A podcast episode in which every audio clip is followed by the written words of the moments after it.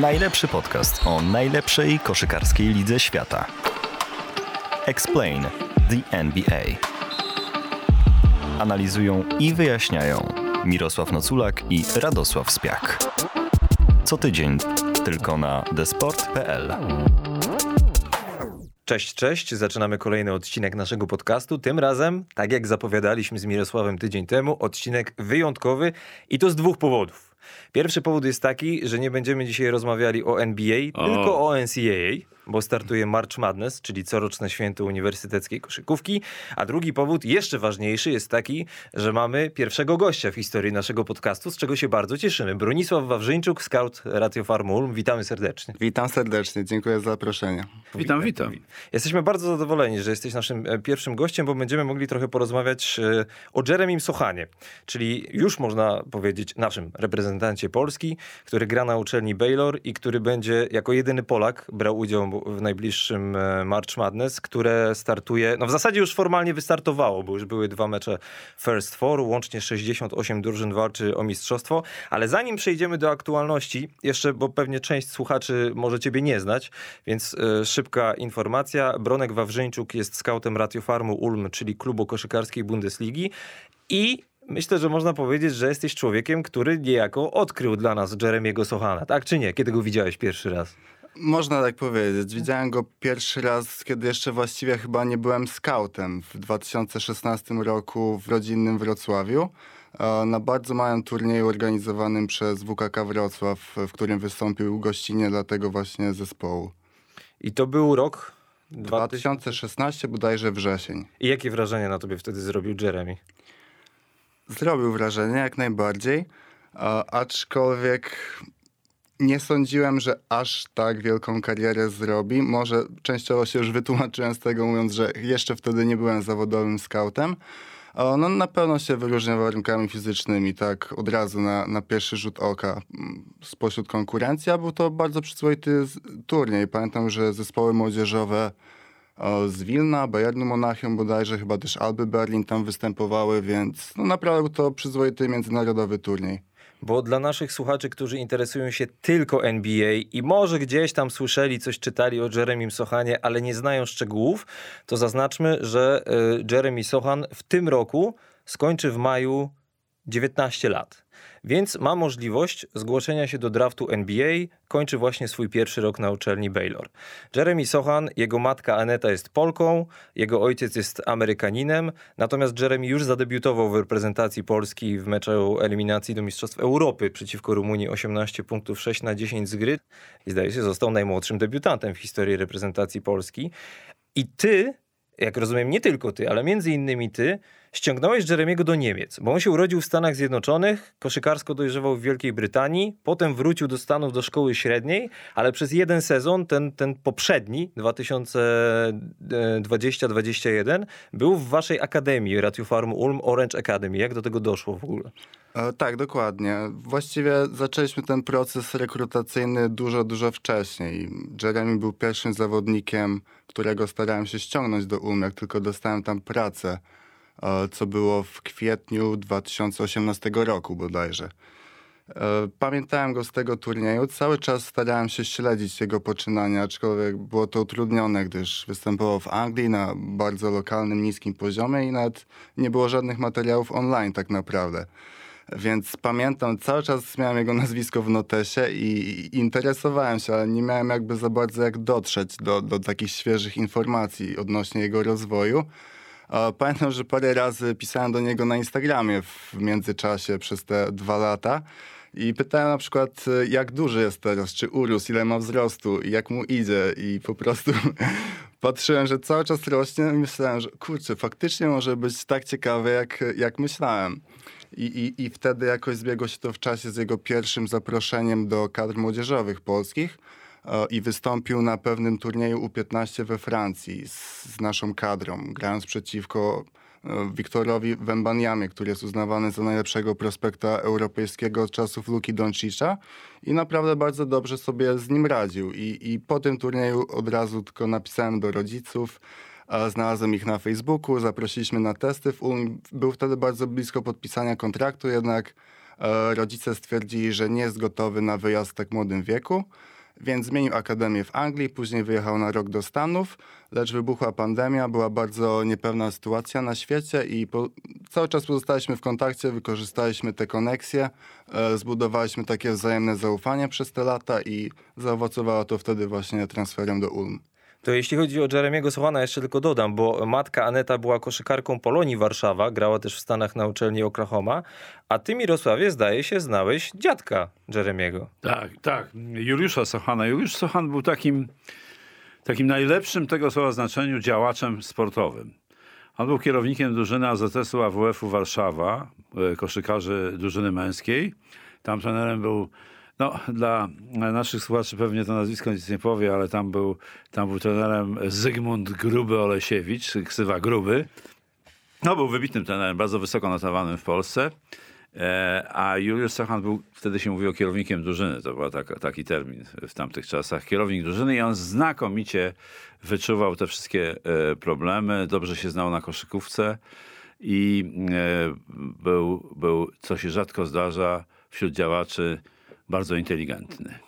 No właśnie chciałem powiedzieć, że ty tak rzadko chwalisz działaczy, a jeśli chodzi o Juliusza Sochana, to jest wyjąt, jeden z wyjątków. To jest jeden z wyjątków, nielicznych. Tak, także to, to akurat jest dla mnie... E, bo on potem był zresztą prezesem Okręgowego Związku Koszykówki w, w Warszawie, czyli wtedy województwo warszawskie albo stołeczne też, no różnie tam. Ja już nie pamiętam tych administracyjnych e, szczegółów. W każdym razie to, był, e, to była świetna postać e, koszykówki właśnie z tej strony nie trenerskiej, a, a takiej no, pomocowej, czyli działa, działacza, prawdziwego działacza, który pomagał, a nie przeszkadzał trenerom. To jest rzadkość. To ja, żeby jeszcze naświetlić trochę tę przeszłość i ten tak zwany background Jeremiego, dodam, że jego pradziadek, czyli Zygmunt Sochan, był piłkarzem warszawianki. Więc krótko mówiąc, Jeremy pochodzi z naprawdę mocno sportowej rodziny. I teraz wracając do, do Ulm, bo on przyjechał do Niemiec, grał u was przez rok i teraz pytanie, czy była szansa, żeby on jeszcze został i Wiem, że masz do tego osobisty stosunek, bo rozmawialiśmy kiedyś o tym prywatnie, ale jak oceniasz tę jego decyzję o przejściu do NCAA, biorąc pod uwagę na jakim etapie już jest teraz? Jak najbardziej była to dobra decyzja. Myślę, że może mniej pewna niż pozostanie w Europie, jeśli miałby sytuację, gdzie faktycznie konsekwentnie by się na niego bardzo stawiało. Gdyż w Europie jest swego rodzaju rodzynkiem, tak? Nie ma wielu graczy o tym profilu fizycznym, e, więc naprawdę wyróżnia się wszędzie, czy w Polsce, Niemczech, na całym starym kontynencie. Natomiast e, w Stanach no jest się trochę w gąszczu tych graczy z fantastycznymi warunkami fizycznymi w jego wieku a nie każdy też trener w koledżu jest w stanie wykorzystać, e, nie każdy ma doświadczenie z graczem takim international, jak, jak trzeba patrzeć na Jeremiego, który wnosi więcej niż tylko atletyzm do gry, więc trzeba też mieć sytuacje, gdzie będą po prostu uwidocznione te jego walory. Ja, ja, ja, chciałem powiedzieć, kiedy go po, zobaczyłem po raz pierwszy. Zobaczyłem go w eliminacjach, mm, nie inaczej, zobaczyłem go w turnieju e, e, dywizji B Mistrzostw Europy. Do lat 16. Do lat 16 i tam trenerem był Dawid Mazoł tej drużyny. I oni wszystko wygrali tam, ci chłopcy. To w ogóle fajny zespół. Y, już nie pamiętam nazwisk, ale, ale bardzo mi się podobał ten zespół. No ale Jeremy był, był absolutnie wyróżniającym się graczem. Ale chciałem nawiązać do tego, co ty powiedziałeś. Tak, wyjdę bracie z ram, tych, które tutaj proponujesz, bo y, właśnie ja jestem zdania od jakiegoś czasu, od dłuższego czasu, ponieważ zajmowałem się trochę NCAA kiedyś tam, to uważam, że mm, program NCAA jest y, za mało. To jest za mało, żeby wyszkolić porządnie graczy. Że głównie ci zawodnicy bazują na atletyczności, natomiast Europejczycy trenują 11 lub 12 miesięcy w roku. W związku z tym Europa przez te 20-30 lat, jak obserwuję NBA, bardzo dogoniła e, Amerykanów, e, graczy amerykańskich. Najlepszy dowód jest, ilu ich jest w tej chwili w NBA, prawda? To, jest, to, jest, to wynika moim zdaniem głównie z tego, że trenują pod okiem trenera, co jest ważne, bo w NCAA wiadomo, że są okresy, kiedy nie można trenować z, z drużyną i z trenerem. Pod okiem trenera przez 11 miesięcy minimum. To chciałem dodać. Pełna zgoda, tak. Aczkolwiek wiadomo, mamy taki termin e, w scoutingu, że działacze NBA muszą porównywać jakby jabłka do pomarańczy, tak? Jeśli chodzi o graczy, którzy występują w Europie, a w NCAA w podobnym wieku, w środowisku akademickim i seniorskim. Kto jest jabłkiem? No właśnie, to jest zagadka. A, a chodzi o to, że jakby widzą tak naocznie, namacalnie są w stanie to zobaczyć, że ten gracz faktycznie w tym środowisku, które oni znają najlepiej się wyróżnia i dla nich wtedy po prostu jest to pewny wybór w drafcie, tak? A jednak jeśli występuje tak w Europie, zawsze gdzieś przedstawia się to w kontekście, a jakby wyglądał w Kentucky, jakby wyglądał w Duke.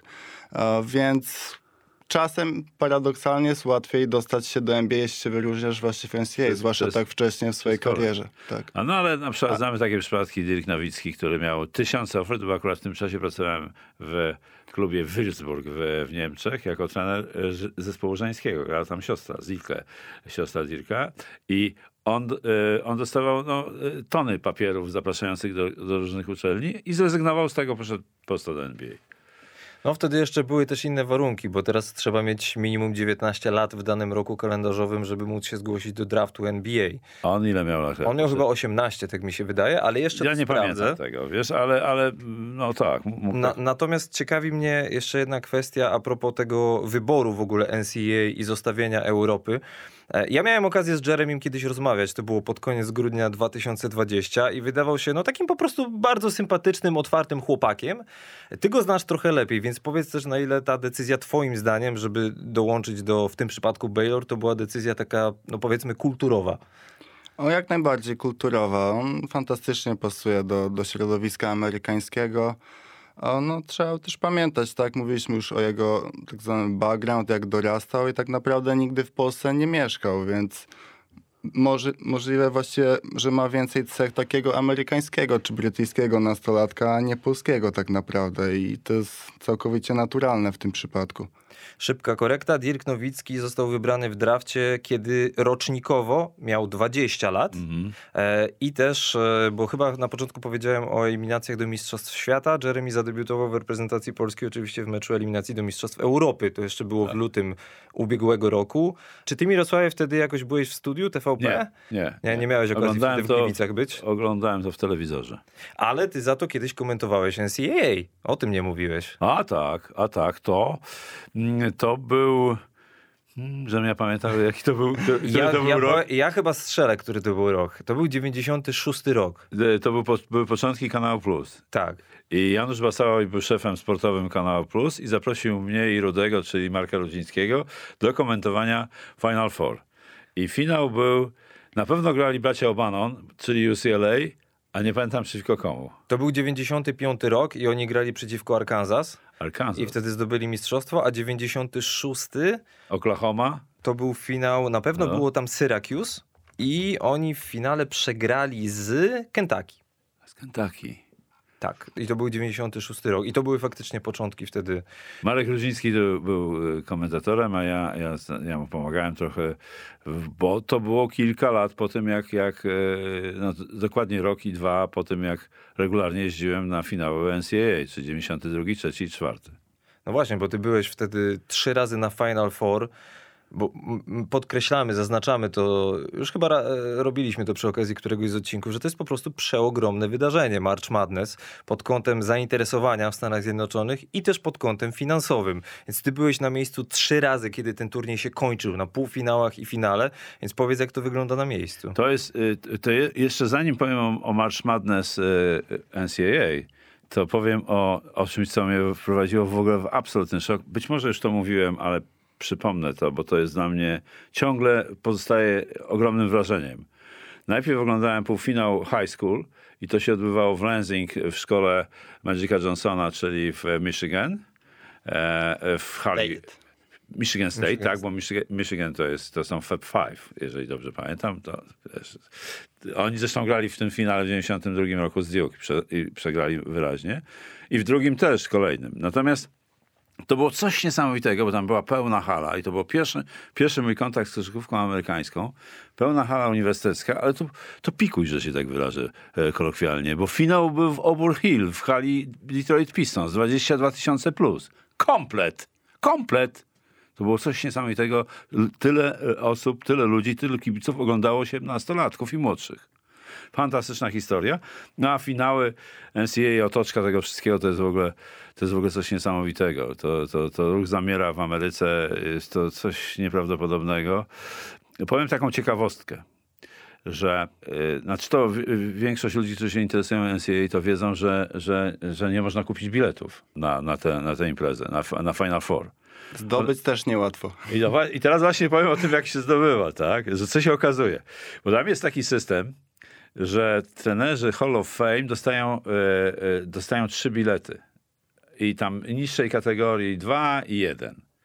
Ja jako international, e, członek międzynarodowy Stowarzyszenia Trenerów Amerykańskich NCAA, mogłem dostać po 15 latach, jeden bilet po 15 latach aktywności, więc, więc zdobywałem te bilety inaczej, dostawałem od moich kolegów trenerów, ale pamiętam, że wysz- wyszliśmy z jednym z trenerów na zewnątrz e, miejsca, gdzie się odbywał kongres trenerów i rozejrzałem się i mówię do tego coacha, mówię, słuchaj, to jest konik. Jak jest konik po angielsku? Czekaj, czekaj. E, no nieważne. Konik taki, który sprzedaje bilety, kupuje bilety nie, nie, nielegalnie. A mówię, a skąd ty wiesz, że to jest konik? Na całym świecie konie wyglądają tak samo. Bo, a znałem ich z PRL-u sprzed kin, bo to wtedy tak się odbywało. Ja dostawałem te bilety, nie musiałem zdobywać ich w ten sposób, bo, bo miałem tam sporo dobrych znajomych i te bilety otrzymywałem. Dwa razy siedziałem przy podłodze w Nowym Orlanie, trochę wyżej, ale to było niesamowite, bo tam było 70 tysięcy, czy coś, no, 60, ponad 60 tysięcy w Superdome. Już go nie ma, bo to po Katrinie go już nie ma. No, za długo już opowiadałem o tym. Nie, no absolutnie. Tylko właśnie chciałem zaznaczyć, że Final Four się odbywają na stadionach futbolowych, a nie w halach koszykarskich. to no. tak swoją drogą. W Minneapolis pierwszy, który widziałem, to było 50 tysięcy plus. Ludzie chcieli ode mnie kupić ten bilet. Nie dziwię się. Słuchaj, za, ja już nie pamiętam, czy za 10 tysięcy dolców, czy za ile, nie pamiętam. Mówi, słuchaj, obejrzysz sobie to na dużym ekranie w, tutaj, w, w, gdzieś tam w hotelu, w, dużym, w tym centrum kongresowym tych, tych e, t- trenerów. Nie ma mowy. Nie Wiesz po to co, tak to- długo leciałem, żeby, żeby oddać za kapuchę, wiesz, taką okazję. No, to był Chociaż- pierwszy mój wyjazd. W latach 90. to, że odpuściłeś 10 tysięcy dolców, to szacunek. Wtedy zarabiałem e, jako trener 5 tysięcy dolców miesięcznie. Więc A, to okej, było- no to nie chyba, było, że tak. To nie było całkiem takie, wiesz, y, że tak powiem, bez podłoża. To decyzja. To do samego March Madness tegorocznego jeszcze dojdziemy. Yy, Jeśli chodzi o Jeremiego jeszcze, bo ten jego background już znamy, natomiast jeśli chodzi o jego aktualną sytuację, dwie rzeczy. E, Jakie są twoim zdaniem, Bronek, jego silne i słabe strony już w kontekście ewentualnego wyboru w drafcie? No tak, mamy taki termin w scoutingu Swiss Army Knife, czyli można na polski przetłumaczyć scyzoryk. Jest to przyrząd, którym posługuje się scout, gdyż tak tłumaczy się też słowo harcerz na polski z angielskiego. No tak, No dwa, właśnie. więc... dwa, dwa znaczenia. Ty, tym terminem określa się gracza, który jest po prostu mega użyteczny na boisku, ma, na, ma wiele zalet. Czyli ten szwajcarski scyzoryk, o którym mówiliśmy kiedyś, W niedawno. przypadku Derricka White'a chociażby. o, o, właśnie. Przepraszam. Tak, a więc no jakby Jeremy, jego gra jest definicją. To ile wnosi na bronionej, atakowanej połowie boiska jest po prostu bardzo takim łatwym graczem do prowadzenia, gdyż e, w każdym zestawieniu taktycznym i personalnym się sprawdza na boisku, ma niesamowicie wysokie IQ. E, No, widać po nim to, że łączy w sobie dwa światy. Łączy ten amerykański, atletyczny i też europejskie rozumienie gry, więc y, wyróżnia się tam na tle rówieśników. Widać, że ma coś więcej. On przeszedł bardzo ciekawą drogę rozwoju, gdyż nikt tak naprawdę w jego wieku w NCAA nie miał szansy trenować z graczami seniorskimi, jak on w Ulm w zeszłym sezonie. Są to gracze bardzo już uznani na poziomie Eurocup, trener Jaka Lakowicz, który jest legendą Euroligi i widać, że to owocuje właśnie w jego grze. Ma naprawdę mało do poprawienia, gdyż jest graczem wszechstronnym, aczkolwiek ta wszechstronność e, zawsze może być lepsza tak naprawdę, bo żadna z tych umiejętności nie jest dośrubowana do elitarnego poziomu tak naprawdę, więc cały czas musi pracować. Myślę, że bardziej nad atakiem niż obroną. E, Na pewno nad rzutem, który może mu wiele otworzyć. E, Też, żeby ten jego playmaking się sprawdzał, gdyż tym się naprawdę wyróżnia na parkietach e, NCAA. Aczkolwiek, żeby być playmakerem, trzeba mieć jak najczęściej piłkę, a jeśli nie będzie dobrze rzucał, będzie odpuszczany, swoją drogą będzie ją miał rzadziej, więc rzadziej będzie mógł był, mógł inicjować grę e, dla innych zawodników w swojej No. drużynie. Ma coś poniżej 40 istotnie, prawda? Za trzy y, statystykach. Tak, bodajże delikatnie poniżej 30 obecnie Nawet poniżej i niecałe 30, 60% z linii rzutów wolnych. No tak. To, Generalnie w ataku wciąż musi dużo pracować nad eksplozywnością, żeby mógł więcej atakować z kozła, wyciągać tych graczy innych wysokich z drużyny przeciwnej, jeśli będzie czasem próbowany na pozycji numer 5 i żeby w ogóle był próbowany na pozycji numer 3, to na pewno musi lepiej, szybciej, bardziej większy repertuar zagrać, zagrań mieć po koźle. Wydaje mi się z tego, co widziałem w fragmentach, to, to ma też jeszcze rezerwy w motoryce właśnie. I to jest do zrobienia, to wiadomo. No ale technika, jest- bo ja myślę, że jednak on będzie obwodowym graczem, czyli pozycja 3, prawda? Chciałbym, nie jestem pewien. Chyba, że urośnie jeszcze. Bo, bo on ma y, na, na tę pozycję 3 jeszcze właśnie jest, nie jest tak, jak określiłeś, to doszlifowany, prawda? Bo tam U nas często występował na, na e, zapleczu Bundesligi w rezerwach UM właśnie na pozycji numer 3. To był jeden z argumentów, których użyliśmy w sprowadzeniu go do Niemiec. Ale wiecie co, bo to e, dzisiejsza NBA jest absolutnie e, dla wszechstronnych graczy. Więc e, w sytuacjach, e, gdy się gra niskim składem, to Jeremy to, że, że gra teraz na czwórce, piątce, to będzie kiedyś jego atutem, jak tam trafi, moim zdaniem. Może być jego atutem. O, tak bym powiedział. No właśnie. Jeżeli widzimy y, Jeremiego Sochana w, w krótkiej perspektywie albo w bliskiej perspektywie, może lepiej powiedzieć e, w NBA, to do, do kogo byś porównał mm, e, jego z ostatniego draftu, który ja jestem w ogóle zafascynowany tymi, tymi młodzieńcami w tegorocznym NBA, tymi pierwszoroczniakami, więc do kogo byś go tak przymierzył, że się tak wyrażę? Tak naprawdę ciężko do konkretnej osoby z poprzedniego draftu, gdyż wiadomo, scouting jest w dużej mierze zbudowany na tych porównaniach, zawsze się ich szuka, aczkolwiek wiele z nich jest na wyrost i jeśli zamkniemy je jeszcze w takiej bardzo wąskiej ramie czasowej, ciężko znaleźć taki przykład zbliżony. Bardziej bym to rozciągnął w czasie, na przykład O właśnie, no to może... trzy lata temu Tak. był taki gracz z Auburn, poszedł do NBA. Chuma Okeke bodajże gra teraz w Orlando Magic. Niesamowicie wszechstronny Jest, zawodnik. jest taki, tak. Rzut, Może rzutem, ciut, tak. ciut lepszy rzutowo Tak, na tych, dobra, jeśli chodzi o Jeremiego. Natomiast też jest taki, że dużo switchuje w obronie i jakby zapełnia e, całą tę linijkę dobrych statystyk. od- od dużo Jeremiego. przechwytów, zbiórek. a- Jest niższy, moim zdaniem, e, e, Okeke od Jeremiego. Tak, Może być tak jeden pamiętam niż- go, y, dzisiaj widziałem go w telewizorze, więc w którymś Orlando grało dzisiaj w nocy jakiś mecz.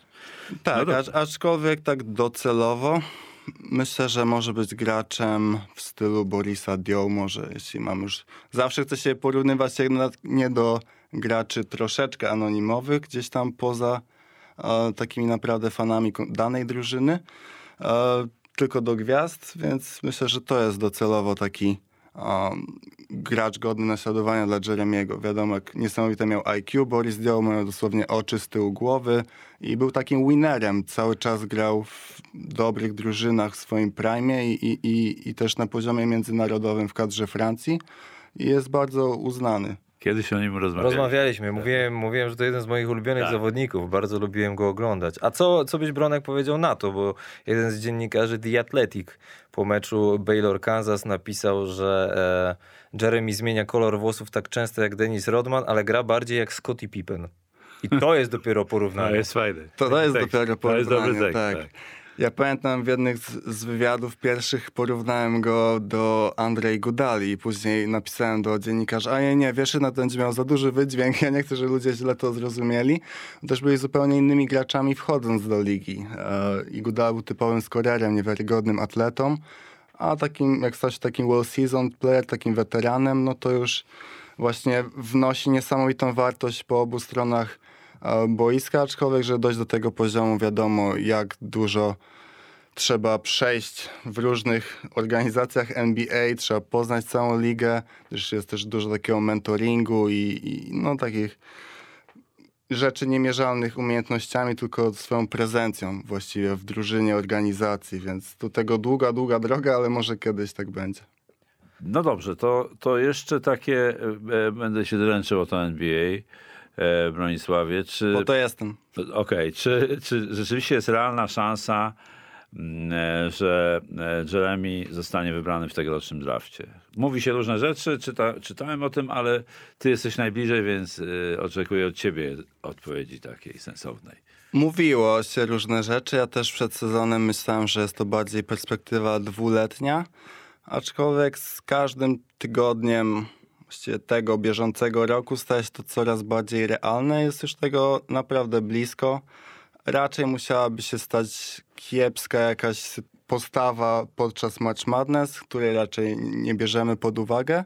Gdyż e, Jeremy też nawet jak ma słabszy dzień jest taką osobą, która i tak pomaga drużynie. Niektóre z jego wartości są w dobry i zły dzień tak naprawdę podobne. To, to IQ pewnie mu pomaga w tym. I obrona. No tak, obrona. Wie, więc no już właściwie w każdym liczącym się mock drafcie przewija się w pierwszej rundzie.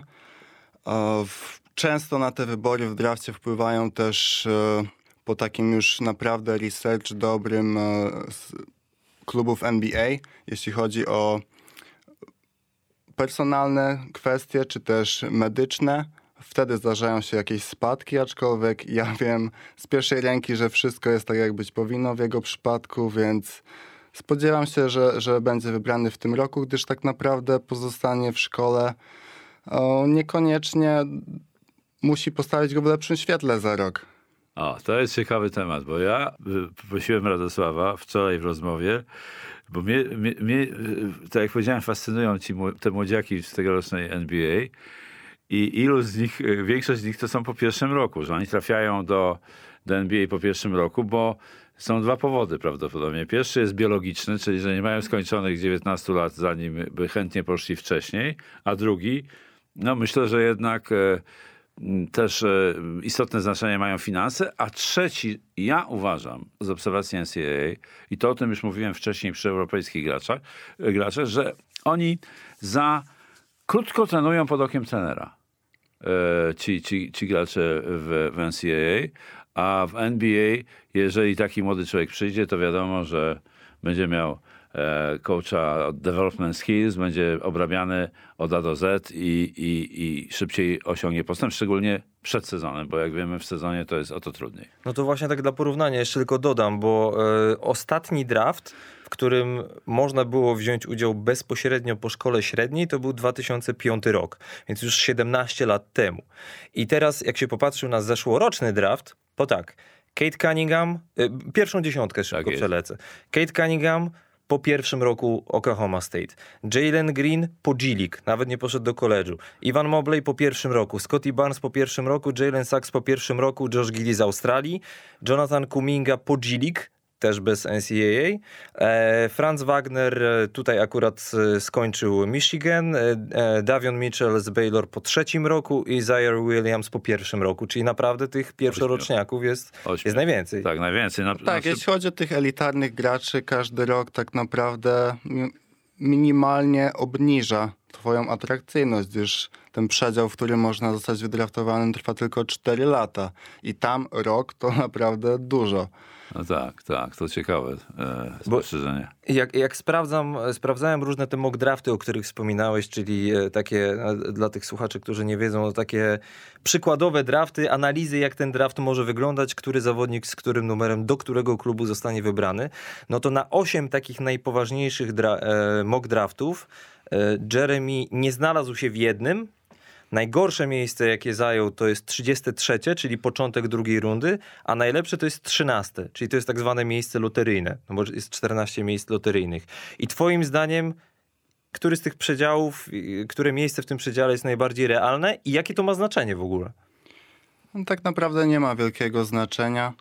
O, W lotery macie te gwarantowane kontrakty, aczkolwiek każdy first rounder dostaje, o, każdy gracz wybrany w pierwszej rundzie draftu dostaje kontrakt o, na więcej niż sezon. No też trzeba wytłumaczyć ten aspekt ekonomiczny, że NBA rozszerzyło się o 60 nowych miejsc pracy tak naprawdę, od kiedy wprowadzono two-way contracts, czyli kontrakt, który pozwala graczowi występować na zapleczu NBA, a także do bodajże 50 dni w roku w samej NBA można zrobić nawet do pół miliona dolarów. Ostatni przykład Iffe Lundberg.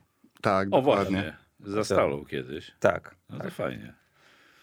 On do Phoenix Suns z kolei To poszedł. Phoenix, tak. Do- Ale dzisiaj o nim nie rozmawiamy, dzisiaj, dzisiaj o Jeremy, więc no właśnie. Myślę, że poniżej 20 miejsca nie spadnie. A gdyby, gdyby otrzymywał sygnały, że, że może spaść poniżej 20 miejsca, czysto teoretycznie, to powinien się wycofać, czy mimo wszystko zostać, twoim zdaniem? Jedynie jeśli groziłoby widmo spadnięcia z pierwszej rundy, jedynie wtedy. Nie sądzę, żeby powrót na uczelnię tak naprawdę dał mu dużo, gdyż on nie jest graczem, który będzie miał w przyszłym roku 16 punktów, 8 zbiórek, 6 asyst w każdym meczu. Przez niego raczej ofensywa nie będzie prowadzona, a on ma takie walory, które sprawdzają się właściwie na każdym poziomie. Myślę, że gdyby występował u nas w, w Bundeslidze, już też grałby podobnie jak w Baylor i w ciągu roku, dwóch będą w stanie w NBA go przygotować, żeby właśnie tak się prezentował też w najlepszej, najlepszej lidze świata. Zgadzam się tutaj wracając do rozwoju indywidualnego w NCAA, że niekoniecznie jest to najwyższy światowy poziom, gdyż sztaby są duże, ale często trenerzy są tak naprawdę tylko rekruterami, niekoniecznie wyspecjalizowanymi w rozwoju gracza. I nawet jak występował u nas w Ulm, gdzie miał taki grafik, powiedzmy ułożony tydzień, tak, że poniedziałek wolne, sobota mecz, y, wtorek pracujemy nad tym, czwartek nad tym. Naprawdę było widać tę kontynuację pracy i zwłaszcza jeśli chodzi o jego rzut, technikę rzutu, wszystko było, szło w dobrym kierunku. Tutaj tak naprawdę polepszył się jeszcze fizycznie, sprawdził się na wyższym poziomie, bo on to po prostu ma, jest tak zwanym gamer, że ciężko w, na jakimkolwiek poziomie koszykarskim sprawić, żeby on nie był w stanie się przydać na boisku. A jeśli chodzi o taki rozwój indywidualny, wciąż może to zrobić, a myślę, że paradoksalnie gdzieś w NBA, czy na początku na zapleczu NBA może to zrobić lepiej niż w koledżu samym. Tak, uważam również. Natomiast, a poza tym jest jeszcze ten okres po sezonie, w którym e, ci najlepsi gracze pracują e, tak, że, że widać efekty, szczególnie jeżeli chodzi o rzuty, prawda? Jak, jak poprawiają się rzutowo e, wielu graczy, można by to wymieniać. I to jest, i to jest uważam, że lepsze rozwiązanie. To jeszcze jedna kwestia ode mnie y, wprost na temat Jeremiego i przejdziemy już do samego March Madness. E, jak w ogóle Jeremy sam podchodzi do tego wszystkiego? Bo ja pamiętam, jak z nim rozmawiałem, że był taki no bardzo otwarty na wszystko, ale teraz domyślam się, być może to potwierdzisz, że im bliżej jest tego ewentualnego wyboru w drafcie, tym bardziej cię tutaj ścigają agenci, tym bardziej przychodzi do ciebie ktoś i coś od ciebie chce. No a to jest młody chłopak, jak on się na to wszystko zapatruje. No Tak, ja z nim troszeczkę koegzystuję koszykarsko, przez to właśnie, że jesteśmy tej samej narodowości, e, pracowaliśmy dla tego samego klubu swego czasu, e, więc cały czas jakby jestem taką osobą, do której się zgłaszają kontrahenci, potencjalni interesanci i którzy zasięgają informacji. Aczkolwiek e, moja relacja z Jeremy też jest tak naprawdę biznesowa. On jest nastolatkiem, on niekoniecznie rozbierał na czynniki pierwsze to, jaką ja miałem rolę w jego karierze, gdyż to trenerzy byli z nim na co dzień, a nie ja tak naprawdę. No nie taka ja była jego rola, nie? Otworzyłem drzwi e, i, i, i reszta działa się swoim życiem, a teraz tak naprawdę to on mnie ciągnie w górę, tak jak kiedyś ja jego pociągnąłem. E, No na pewno ciężki teraz utrudniony jest kontakt z nim samym. Czasem, czasem się do niego odezwę, piszemy, aczkolwiek nie jest to jakaś ekstensywna komunikacja właśnie przez to, jak wiele osób jest w stanie do niego dotrzeć. Czy to są wywiady, czy to są potencjalni agenci, e, cheerleaderki Baylor, wszyscy dosłownie, więc e, na pewno najbardziej trener, asystent John Jakus jest taką osobą, która jest jego mentorem na kampusie. Baylor, która no jakby mówi mu z kim powinien rozmawiać, z kim niekoniecznie, na co uważać. I O, też czy trzeba... liderka, ktoś de- decyduje ten, ten asystent? Nie, to dobrze. To już by było za dużo. tak. E, No i też trzeba pochwalić bardzo rodziców, tak, gdyż to oni na siebie biorą wszelkie rozmowy z agentami na ten moment, żeby po prostu Jeremy mógł skupić się na graniu i podjąć decyzję, jaką musi podjąć po sezonie, a teraz zaprezentować się jak, jak najlepiej może, bez żadnych rozproszeń. Ja właśnie próbowałem e, zaprosić Jeremiego tutaj, żeby się z nami połączył chociaż na 5 czy 10 minut, e, ale zdaję sobie sprawę, że jest to bardzo trudne, zwłaszcza biorąc pod uwagę, że my nagrywamy ten podcast w środę, a on w czwartek wieczorem czasu polskiego gra pierwszy mecz w March Madness. O 19 chyba. Tak jest, o godzinie 19 jego drużyna Baylor broni mistrzostwa zdobytego przed rokiem, aczkolwiek zaznaczmy, że oczywiście e, nie ma już w tej drużynie dwóch zawodników, którzy trafili do NBA z tej mistrzowskiej ekipy. To jest właśnie Davion Mitchell, wybrany z dziewiątym numerem w zeszłym roku. On gra w Sacramento, całkiem nieźle zresztą gra. Bardzo fajnie gra. I Jared Butler e, w Utah. On był wybrany z 40 numerem, czyli to była druga runda draftu. No i teraz tak, już przechodząc do samego March Madness, 68 drużyn, e, licząc First Four, 64 już w tym, w tym e, głównym turnieju, tak to nazwijmy. No i nie da się ukryć, że jeśli obowiązuje zasada, tak jak w drabince tenisowej, że przegrywasz jeden mecz i odpadasz, to wiadomo, że będą niespodzianki. W związku z czym pytanie do ciebie, e, Bronek, jak oceniasz to Baylor? Miałeś okazję oglądać je jakoś w tym sezonie? O tak, oglądałem prawie każdy mecz oczywiście dla Jeremiego. Na pewno są gorsi niż w zeszłym sezonie. Obowiązuje trochę zasada bicia mistrza, tak? No Każdy tak. chce tego dokonać i jednak utrzymać się na szczycie często jest trudniej niż się wspiąć tam. Myślę, że też zdecydowanie lepszy obwód mieli w zeszłym sezonie. Dwóch graczy poszło do NBA, jeden gra na zapleczu w G League. No i czasem tak naprawdę oglądając ich grę, myślę, że takie collective IQ, czyli jakby złączyć IQ wszystkich graczy i wyciągnąć Jeremiego z tej drużyny, to naprawdę byłoby kiepsko i przegraliby dużo więcej meczów. Pokuszę się o taką śmiałą opinię. Niekoniecznie jest to fantastyczna koszykówka do oglądania pod względem takim taktycznym, koneserskim. Aczkolwiek są rozstawieni z numerem pierwszym w jednej z ćwiartek. Skala talentu jest jednak bardzo wysoka. Tak, bo turniej NCAA działa tak, że mamy cztery regiony, tak to nazwijmy, wschód, zachód, północ i ten Midwest, gdzie mamy po 16 drużyn w, każdym, w każdej ćwiartce. Yy, oprócz Baylor z numerami 1 są Gonzaga, Arizona i Kansas. E, No zakładam, że Baylor ten swój pierwszy, raz, pierwszy mecz wygra, bo zresztą do tej pory w tym turnieju NCAA tylko jeden, jedyny raz zdarzył się przypadek, że drużyna z szesnastką pokonała jedynkę. To było 4 lata temu, kiedy e, Virginia przegrała z UMBC, czyli ze szkołą, w której e, obecnie jest Szymon Wójcik, syn Adama Wójcika, chociaż kończy już tam swoją grę. E, No dobra, panowie, to co, szybkie typowanko? Nie będziemy oczywiście tutaj przedstawiali całego swojego braketu, bo by to zajęło ze 2,5 godziny, ale tak chociaż kto awansuje do Final Four i ja mogę zacząć, jeśli pozwolicie. Jeśli chodzi o zachód, dla mnie Gonzaga, czyli będzie jedynka. Jeśli chodzi o wschód, yy, stwierdzam, że awansuje Kentucky z dwójką. Nie wybieram Baylor, dlatego że jestem pewien, że się pomylę. Jakbym wybrał Baylor, to na 100% by odpadli. Klasyczna klątwa komentatora, już się tego nauczyłem. Jeśli chodzi o South, Villanova z dwójką. Jeśli chodzi o Midwest Kansas z jedynką, nie uważam, że będą jakieś wielkie niespodzianki typu, tak jak Mirosławie pamiętasz, uczelnia Butler za czasów Brada Stevensa, Tak. gdzieś tam z, z, rozstawiona dwucyfrowo, szkoła, zupełnie. dwa razy z rzędu awansowała do finału. Nie sądzę, żeby tutaj w Final Four był ktoś z czternastką, dziesiątką. E, Stawiam tak właśnie 1-2, 1-2. To będzie Final Four. A mistrzem będzie Gonzaga. Tak stwierdzam. No to co? To Bronek Teraz ja, teraz, Bronek. dobrze. Gonzaga również. Z East Purdue, mój czarny koń. Może nie aż taki czarny koń, gdyż jednak są wysoko rozstawieni. Z trójką, tak. Tak, aczkolwiek jestem wielkim fanem Jadena Ivy, który myślę, że pójdzie top 5 w najbliższym drafcie. Arizona i jeszcze Midwest. Dodamy do tego, niech będzie po najbliższej linii oporu po prostu Kansas z jedynką, a na zwycięzcę typuję Arizonę, gdyż jest to najbardziej międzynarodowa drużyna, więc troszeczkę też z takiej perspektywy, może nie tyle fana, a też zawodowej, gdyż swego czasu prowadziłem serwis dla klubów NCAA i obecny trener Tommy Lloyd e, Arizony, który jest ojcem sukcesów Gonzagi, gdzie spędził ostatnie 20 lat jako asystent, jest niewiarygodnym rekruterem.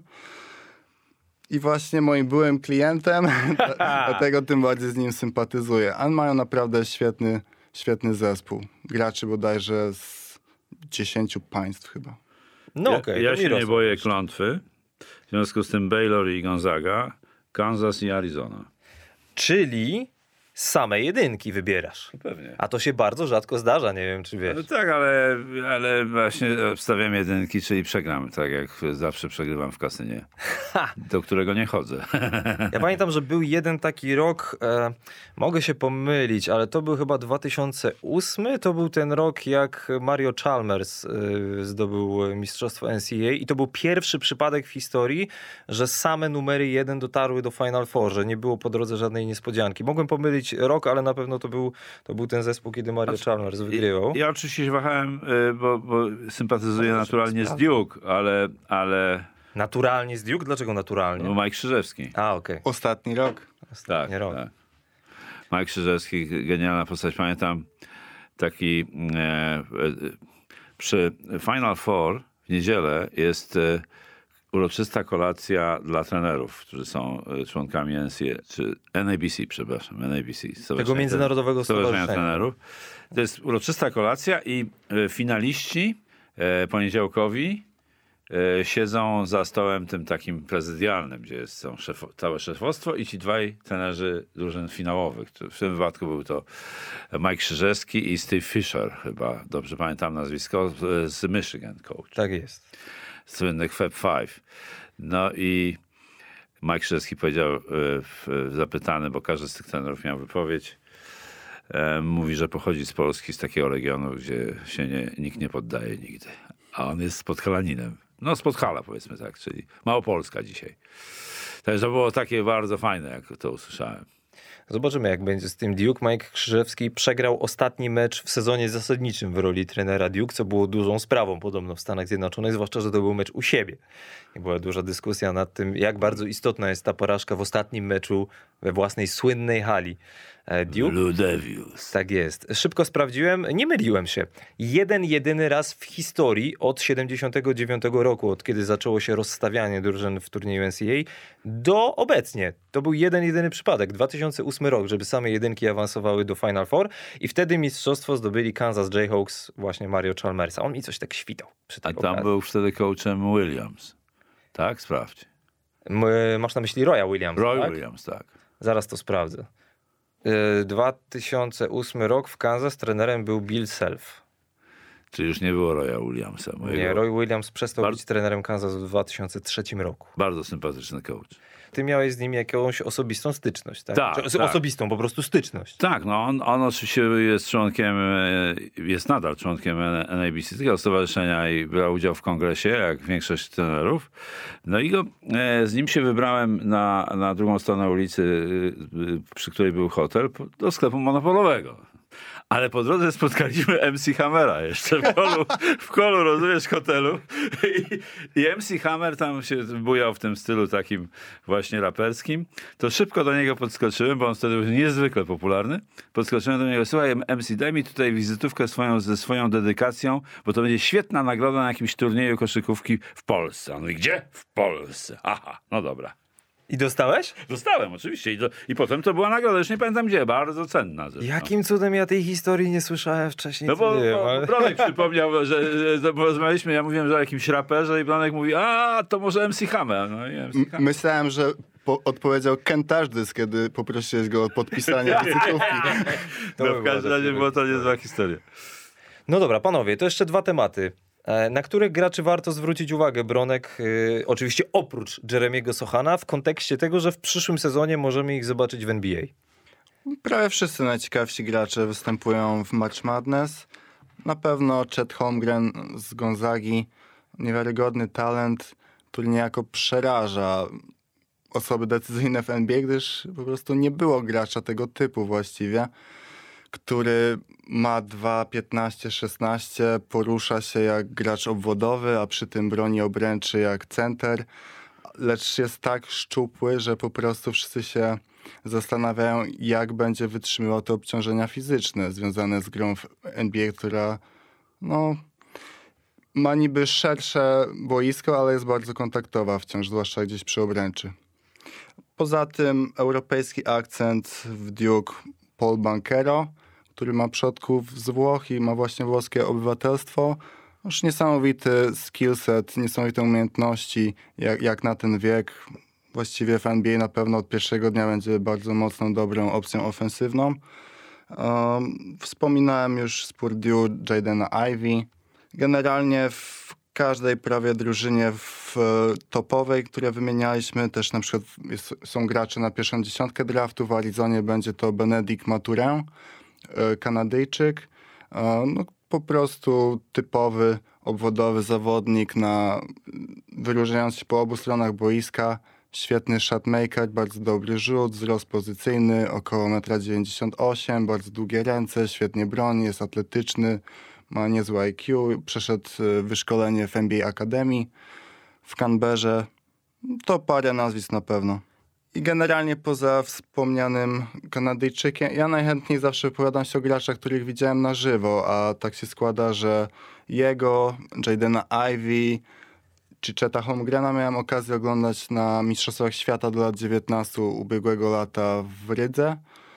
Więc ci gracze i nie, nie chcę jakby tutaj opinii wygłaszać tak zawodowo, gdyż często też Skala jest taką osobą, którą łatwo łap, złapać za słówka, a jeśli nie wiem aż tak dobrze, po prostu wolę się nie wypowiadać. Okej, okay, jasna sprawa. Dla mnie jest to całkowicie zrozumiałe. E, natomiast pamiętajcie, że jak będzie draft w tym roku, to te najważniejsze nazwiska już usłyszeliście od eksperta. Będziemy sprawdzali zresztą, jak, jak pójdzie tym zawodnikom w March Madness, jak pójdzie Jeremiemu i jak będzie wyglądał tegoroczny draft. Do tego dojdziemy w czerwcu. Ostatnie pytanie już tak yy, kończąc, bo Jeremy Sochan yy, nie jest, czy nie był jedynym Polakiem w tym sezonie NCAA, natomiast jest jedynym, który gra w March Madness. Oprócz Jeremiego yy, był także Max Egner, Jakub Karwowski w Sam Houston State, Kacper Kłaczek w St. Joseph's, e, Szymon Wójcik w UMBC to mówiłem, Szymon Zapała w Utah State i Igor Milicic Jr. na teoretycznie bardzo silnym Uniwersytecie Virginia, który jednak nie zagra w March Madness.